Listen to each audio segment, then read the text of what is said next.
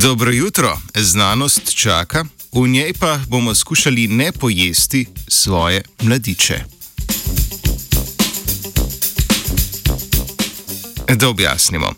Turška raziskovalna skupina je ovrednotila vpliv karbotocina na nenormalno obnašanje psic do svojih mladičev. V raziskavi je preverjala, če se lahko s karbetocinom zdravi maternalni kanibalizem. Gre za obliko nenormalnega poporodnega obnašanja, ki se pojavlja pri nekaterih živalskih vrstah. Pri psih se kaže tako, da psica svoje mladičke ubije in na to poje.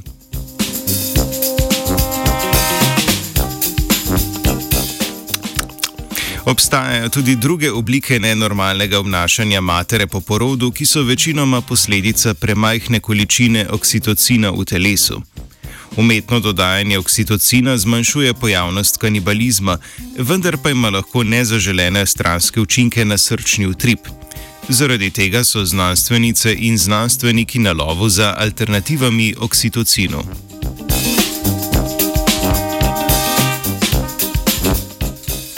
Karbetocin je sintetični analog oksitocina, ki ima daljšo razpolovno dobo in manj stranskih učinkov.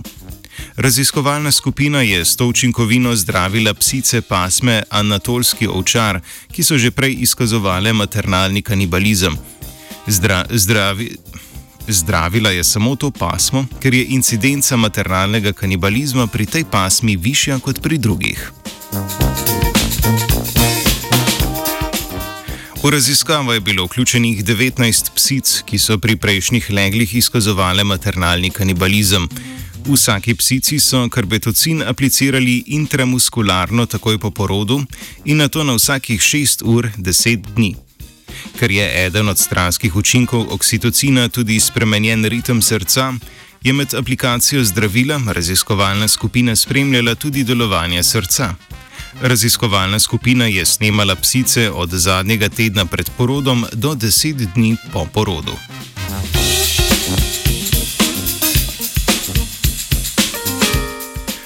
Pri psicah niso zabeležili nenormalnega vedenja, prav tako je bilo delovanje srca normalno. To kaže, da je dajanje karbetocina učinkovito in ni nevarno za organizem. Vendar pa je bila ta raziskava izvedena samo na 19 psicah in bi bile nadaljne raziskave o učinkovanju karbetocina zelo dobrodošle.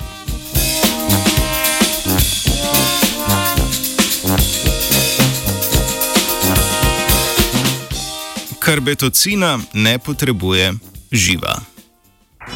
Three.